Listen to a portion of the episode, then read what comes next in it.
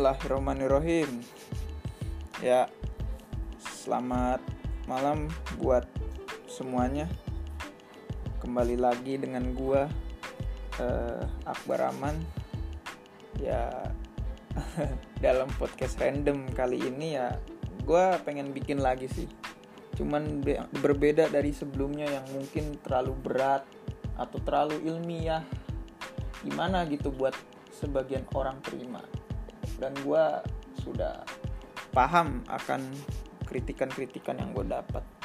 Jadi gue mau mencoba membuat sesuatu yang memang uh, cerita berdasarkan pengalaman gue dan semoga kalian bisa ambil ilmu atau pelajarannya dari apa yang gue ceritain. Ingat di sini gue bukan menggurui tapi gue cuma sharing. Dan menurut gue edukasi itu nggak perlu ditunjukkan. Edukasi itu bisa datang dari mana aja. Mulai dengar dari cerita orang aja itu bisa kita ambil sebagai edukasi. Ya uh, jadi gue tuh mau membagikan sebuah pengalaman gue yang mungkin di tengah tengah gue menceritakan atau diakhiri itu ada terdapat pesan-pesan edukasi supaya diharapkan lu semua bisa petik ilmu atau pelajaran dari topik yang akan gue bahas ini. So, yang pertama, seperti kita tahu, kita kan mengalami sempat dilandai pandemi ya, dan sekarang pun belum hilang. Namun gue rasa efeknya tuh sudah berbeda dibandingkan pandemi awal-awal datang waktu sekitar Maret 2020. Gue yakin semuanya kena dampaknya, bukan gue doang. Semua orang meng, apa ya mengalami kekacauan. Kacau balau dalam walaupun dalam kerjaan ekonomi pemikiran anxiety macam-macam. Dan yang mau gue ceritain di sini adalah rutinitas gue itu kacau balau. Kacau pokoknya berantakan. Hal yang biasanya gue lakuin atau bahkan gue sering kadang suka kasih sebuah wejangan atau nasihat ke orang terdekat gue itu nggak gue praktekin ke diri gue sendiri. Asli gue merasa aduh berarti selama ini omongan gue nggak valid gitu loh. Maksudnya nggak ada kredibilitasnya karena yang gue kasih nasihat ke orang aja nggak gue lakuin. Nah gue yakin uh, kita punya struggle-nya masing-masing dan kita semua pun seperti itu. Bukan cuma gue doang pasti orang-orang mengalami hal-hal baru yang nggak biasa dan mereka kesulitan. Nah ya karena memang apa ya contohnya gue nih seakan-akan gue sendiri nggak ngikutin nasihat gue yang gue berikan kepada orang lain. Ya karena memang seperti itu. Lebih mudah diucapkan daripada dipraktikkan. Easier said than done. Mungkin karena gue selalu berambisi dalam goals atau tujuan yang ingin gue capai. Jadi mungkin ya nggak tahu ya memulai habit-habit baru itu kadang kurang menyenangkan buat gue ketimbang gue menjadi orang ambisius dan selalu disiplin buat mencapai sesuatu. Nah di sinilah cerita pengalaman gue mungkin gue kudu perlu sedikit ngedongeng ya terdengarnya. Cuman gue harap sih gue harap kalian semua bisa relate dan kalian dengerin ya syukur-syukur kalian dengerin sampai akhir. Tapi kalau kalian mau dapet pesan esensinya ya kalian harus denger seksama. Ya anggap aja kita lagi ngobrol langsung lah. Jadi gini. Gue dulu pas lagi new normal tuh gue kayak pingin gitu mencoba sesuatu cabang olahraga baru yang biasanya nggak gue lakuin. Seperti yang mungkin temen gue tahu gue itu gemar berolahraga. Dan gue demen mengeksplor semua aspek yang olahraga tawarkan. Nah, gue itu kan rajinnya di bidang gym dan itu nggak bisa dipungkiri lagi. Cuma karena pada saat itu baru aja keadaan new normal dan kebetulan gue belum sempet nge-gym lagi, gue coba mulai-mulai ya lakuin olahraga yang dilakuin tanpa alat. Lari lah contohnya waktu itu, lari, berlari ya. Nah, menariknya tuh kayak gini. Pada saat itu dengan sifat gue yang ambisius dengan PD-nya, gue ngetrit memperlakukan hal tersebut seakan-akan gue itu tahu pasti gue bisa jago nih. Sampai-sampai gue obsesi sudah menyusun plan matang-matang gimana caranya gue better atau jago dalam lari. Aduh gak usah ditanyain lagi dah seberapa detail lah. Ketika gue bilang detail itu beneran detail gak bohong. Tapi ujung-ujungnya gue cuma stuck sama rencana gue yang ambisius dan penuh dengan jadwal gue selama beberapa minggu itu gue cuma stuck aja gitu loh. Semua plan dan persiapan gue modar ambiar alias cuma membawa gue gagal dalam olahraga tersebut yaitu lari. Gue jadi angin-anginan kadang-kadang gak lari lagi. Ya karena gue tuh orangnya pada saat itu gampang kesel kalau diri gue gagal dan progres gue tuh nggak sesuai harapan walaupun sisi positifnya ya gue jadi lebih fit dibanding sebelumnya gue lebih sehat. Nah yang hal positifnya aja pada saat itu gue sampai nggak sadar. Karena sejujurnya pola pikir gue itu tuh udah seperti atlet lah. Gue bukan olahraga bukan sekedar buat sehat lagi tapi gue olahraga buat apa ya get better each day-nya gitu loh.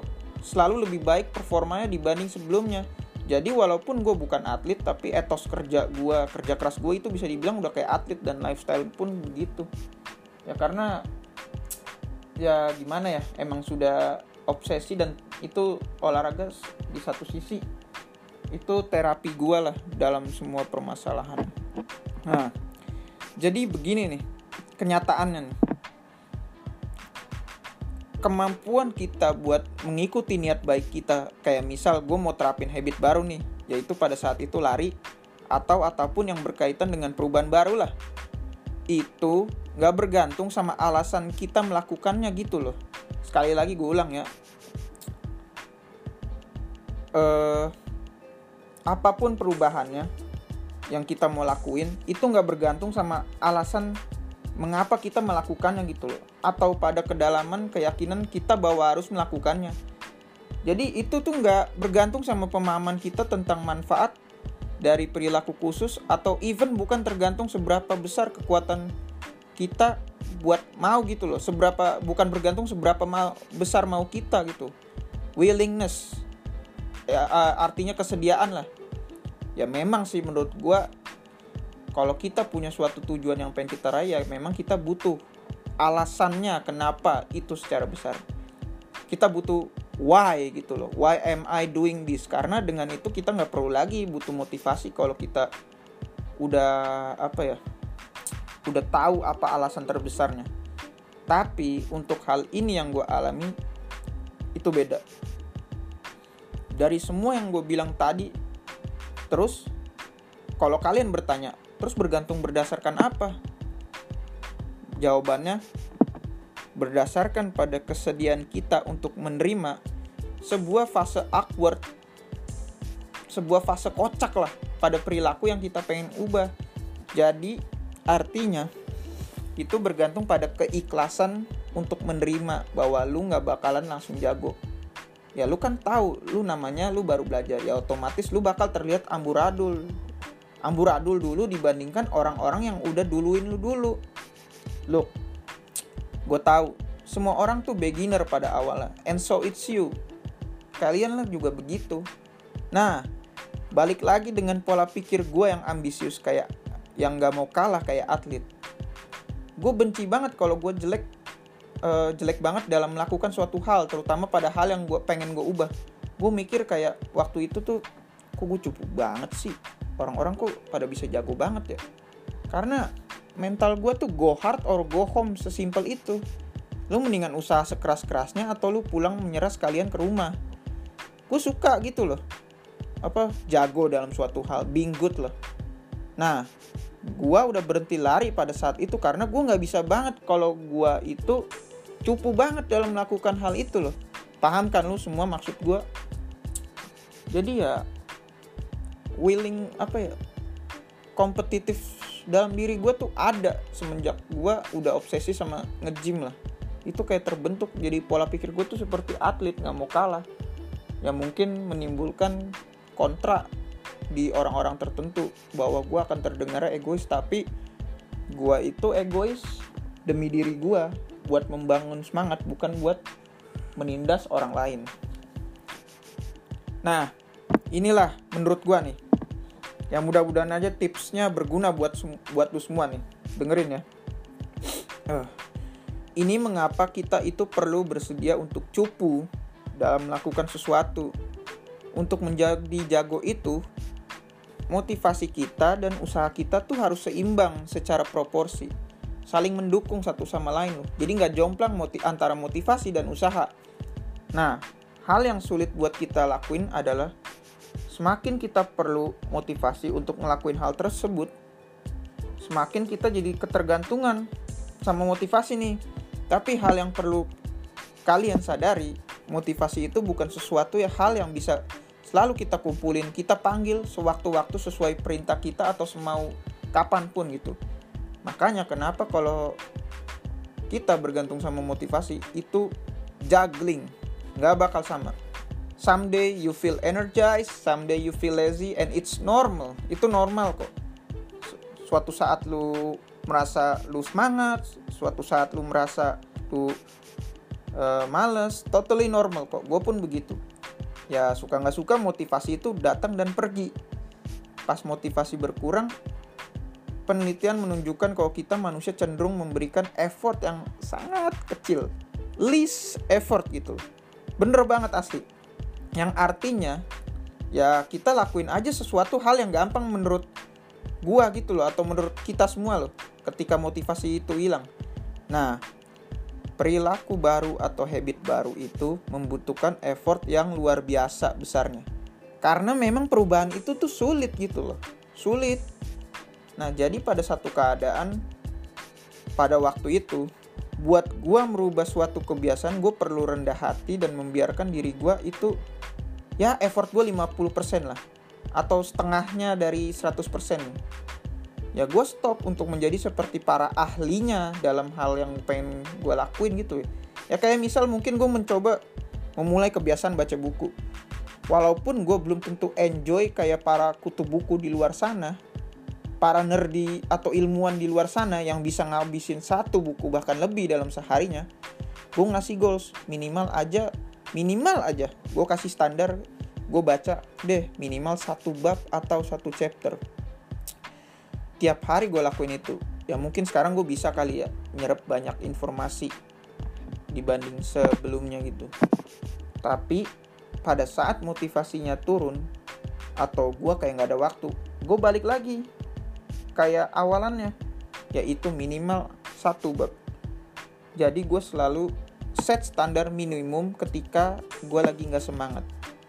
Atau misal lu udah punya goals luangin waktu buat apa nih? Misal dua jam buat ngapain nih? Tapi kalau ketika semangatnya turun di situlah lu set standar minimal yang lu perlu lakuin buat sesuatu. Karena menurut gue it's better than nothing. Jadi lebih baik dilakukan walaupun gak maksimal tapi it's better gitu loh. Seenggaknya sementara saat lu kehilangan semangat repetisi atau konsistensi itu lebih penting daripada eksekusinya sempurna tapi lu cepet capek jenuh. Lu lakuinnya cuma pas lagi semangat doang ya semua orang juga bisa gitu. Kalau lu lakuinnya pas hari-hari semangat doang semua orang juga bisa gitu nggak ada yang struggle. Tapi kan justru yang perlu effort lebih besar itu ketika pas kita lagi hilang apinya gitu hilang semangat ya. Karena memang hari-hari itulah yang susah. Jadi secara logika masuk akal dong kalau itu membutuhkan effort yang besar. Jadi nggak apa-apa kalau eksekusinya B aja tapi konsisten. Itu lebih baik daripada eksekusinya perfect tapi sesekali doang angin-anginan doang. Ya kayak ngapus aja sih. Emang cuma karena lu semangat cuma karena lu nggak semangat itu berarti lu bisa seenaknya bolos atau nggak absen. Yang nggak mungkin lah. Yang ada udah berapa banyak absen lu? Bolong. Ngulang kelas dong. Itu perumpamaan kesehariannya. Cerita gue belum selesai ya. Ini gue masih sambil cerita juga. Jadi effort yang minimum itu tuh bakal selalu memberikan hasil dibanding lu nggak ngelakuin apa-apa gitu. Gue yakin semua bisa relate relate mungkin lu fail atau gagal dalam percobaan lu untuk mencoba menjadi lebih baik di hal tersebut mungkin lu mau ngubah pola pikir lu atau lu mau lebih rajin atau ya perubahan yang lu mau lah intinya Nah, gue punya gak punya kabar bagus buat lu. Lu bisa lakuin hal itu sekarang juga. Tapi pesen gue, stop stop trying to be so good apalagi lu bandingin diri lu sama orang yang udah jago. Aduh please stop. Lu juga apa ya nih? Ini gue bukan menggurui ya tapi sharing aja. Karena gue mengalami ini bukan lu doang kok. Everybody is a student lah. Gue juga masih student gue masih belajar kok. Nggak ada yang jadi teacher di sini. Ya sepengalaman gue kita tuh perlu stop untuk ngubah plan secara drastis cuma karena kita butuh perubahan itu. Seenggaknya sementara lah karena ini tuh petualangan journey. Jadi bukan sesuatu yang bisa dipercepat proses pembelajaran dan eksekusinya. Jadi ya mindset pola pikir kita harus ya lebih baik daripada nggak sama sekali gitu loh. Jadi tantangannya adalah gimana caranya kalian bisa lakuin hal tersebut seenggaknya setiap hari sampai kalian kayak ya udah lakuin aja tanpa harus berpikir panjang. Kalau udah seperti itu congratulations. Selamat kalian berhasil. Asli selamat dah. Tapi ya jangan khawatir. Kalau lu pengen do more kayak lu lu rasa lu punya kapasitas lebih lah buat do more kan masih ada esok hari. Ini kenapa gue nggak begitu bergantung sama resolusi tahun? Karena menurut gue kita nggak perlu nunggu pergantian tahun untuk menjadi lebih baik gitu loh. Setiap hari dan esok hari adalah kesempatan kita untuk berubah mungkin mental better than nothing itu bukan tujuan jangka panjangnya tapi buat saat ini ya gue rasa itu berguna minimal sampai lu udah oke okay kalau nggak berjalan sesuai rencana gitu loh. Bahkan sekalipun lu pengen do more do more do more and more and more lah lu tahu lu bisa lebih. Tapi sometimes less is more. Ingat kita itu manusia bakal capek juga gua yang udah all hobi obsesi sama gym aja bakalan ada titik jenuh juga dan capek juga. Itu gue udah passion aja gue masih capek dan males. Apalagi sesuatu yang belum kita passion atau baru rencana mau jadiin hal itu perubahan gitu loh. So push to the limit tapi know your limit gitu loh. Jangan keluarin effort lu sampai stamina lu itu habis sampai hilang semangat tapi kita tahu limit kita. Mendingan kita tuh ibarat motor kita tuh sisain tangki bensin dalam diri kita. Walaupun masih ada sisaan kita bisa dumor tapi hati-hati kita bakalan capek dan jenuh pada akhirnya. Ya kalau kita naik motor emang kita isi bensin kudu nunggu bensinnya habis dulu? Yang enggak dong. Kita yang ada mogok nggak bisa jalan nuntun lu. Ya kita kan sisakan sedikit gitu loh supaya kita masih bisa jalanin itu motor. Ketimbang kita harus dorong capek bensinnya udah habis kan. Gimana gitu? Toh logikanya pacaran sesuatu yang indah dan dilakuin banyak orang aja ada kejenuhan dan capek tersendiri kan. Nah itu sih. Belum lagi capek belum lagi ada urusan lain belum ada hal yang ngalihin kita dari niat awalan kita. Ya gitu sih dari pengalaman gue better than nothing itu tuh bagus buat kita yang mencoba memulai sesuatu. Karena di sini adalah masalah petualangan dan progress bukan perfection. Slow progress progress kecil itu tetaplah progress progress is progress nggak bisa dipungkiri. Jadi goalsnya adalah repetisi atau pengulangan. Apakah kalian pada ingat ada pepatah mengatakan orang yang mengalami stres luar biasa pada peristiwa tertentu itu akan kembali menjadi kuat. Dan ketika dia mengalami peristiwa seperti sebelumnya, dia jadi lebih kuat dan gak berasa stres kayak dulu. Mengapa demikian? Karena pengalaman dan jam terbang lah yang jadi faktor progresnya. Ya karena emang udah pernah ngalamin, otomatis gak sesok dibanding dulu kan. Nah itulah goalsnya adalah pengulang pengulangan, bukan achievement atau pencapaian. So ya nggak apa-apa lu 50% dalam setiap harinya ketimbang 100% tapi angin-anginan nggak semua langkah tiap hari itu perlu banyak. Yang penting one step aja tiap harinya tapi konsisten. Perlahan-lahan kan langkah tersebut akan membawa lu lebih melangkah lebih jauh dibanding sebelumnya. Nah inilah terkadang kesulitannya emang memulai. Gue akui itu gue juga masih sulit memulai sesuatu tapi ketika ada pikiran memulai kayak yang jargonnya Nike just do it ketika udah mulai ketika kita mulai memulai kita itu ketika apa ya sorry sorry ketika kita udah berpikir untuk memulai sesuatu kita itu sedang membangun jalur saraf otak kita untuk kebiasaan baru yaitu seperti kayak udah ngasih gambaran bahwa kita seakan-akan itu bakal berhasil dalam hal tersebut. Kenapa begitu? Itu karena kita menanamkan uh, nothing habit apa better than nothing habit menjadi sesuatu yang is itu gampang gitu loh. Buat gue pribadi buat diulang terus kembali sampai jadi ya apa ya? Kalau better than nothing itu buat gue pribadi tuh gampang dan gue bisa ulang-ulang terus kembali sampai hal itu menjadi auto makanya kenapa ada orang atau mungkin termasuk gue itu bisa lakuin hal tertentu sekalipun lagi nggak semangat atau motivasi. Sekalipun nggak ada reward atau duitnya. Mending kalau orang kerja masih semangat apa semangat gak semangat tetap apa namanya uh, lanjut kerja. Ya karena pejuang rupiah. Lah yang lebih nekat lebih savage ya seorang lain atau seorang gua termasuk melakukan sesuatu rela nggak bergantung sama motivasi rela uh, walaupun gak semangat tapi tetap lakuin sekalipun gak ada reward atau duitnya. Ini true story ya ini bukan baffling asli. Di sinilah momen ketika kalian udah bersedia buat ngelakuin sesuatu yang ambisius oh sorry sorry.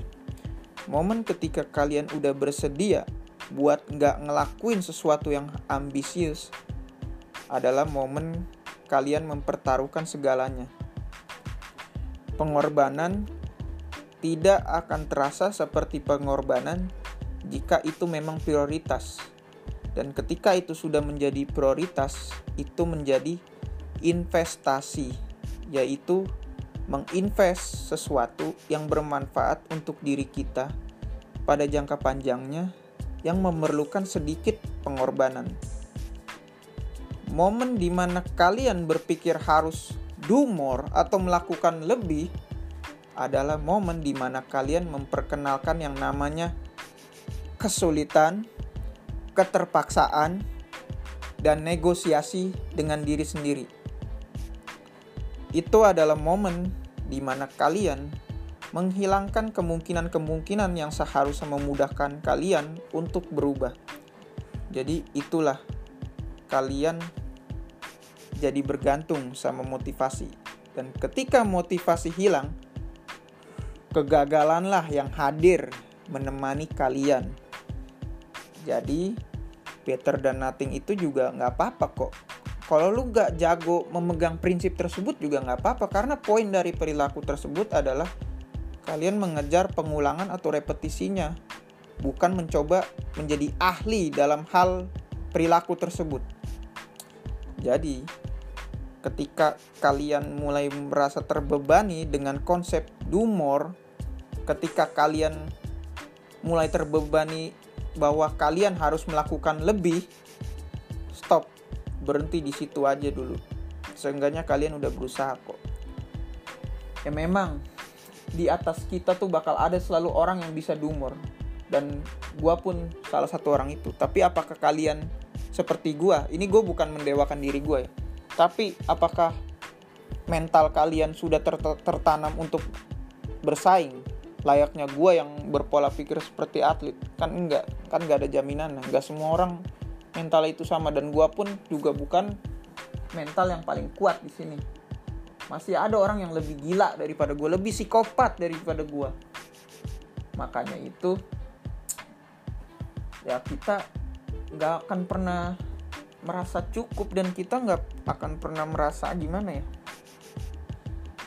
Nggak pernah akan bisa ngerasa kita paling kuat atau paling lemah. Jadi ya kebersyukuran dan ketidakpuasan tuh harus seimbang. Tapi menurut gue kebersyukuran itu ya kayak tadi yang gue jelasin lebih penting loh. Seenggaknya lu udah usaha lu udah better than most people lah. Lu udah lebih baik dibanding orang-orang pada umumnya. Karena ketidakpuasan itu gampang dicarinya. Itu tiba-tiba datang sendiri. Karena kan sifat alami manusia adalah mencari ember yang belum diisi. Sedangkan kita secara nggak sadar suka lupa ada ember-ember sebelumnya yang udah kita isi. Dan kita lupa akan hal itu.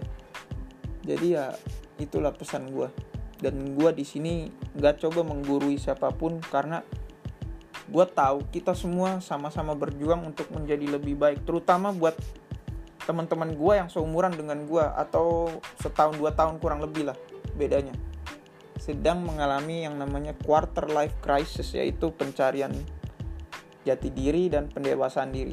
Jadi nikmatilah hidup inilah. Jangan apa ya uh, membuat sulit daripada seharusnya karena hidup ini sudah sulit.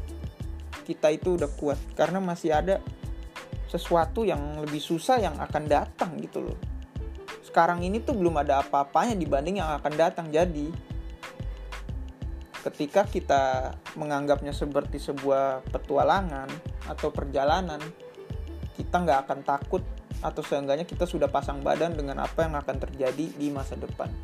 Jadi ya itulah. Oke itulah cukup buat podcast random talk ini. Ya mungkin nggak tahu lah ya.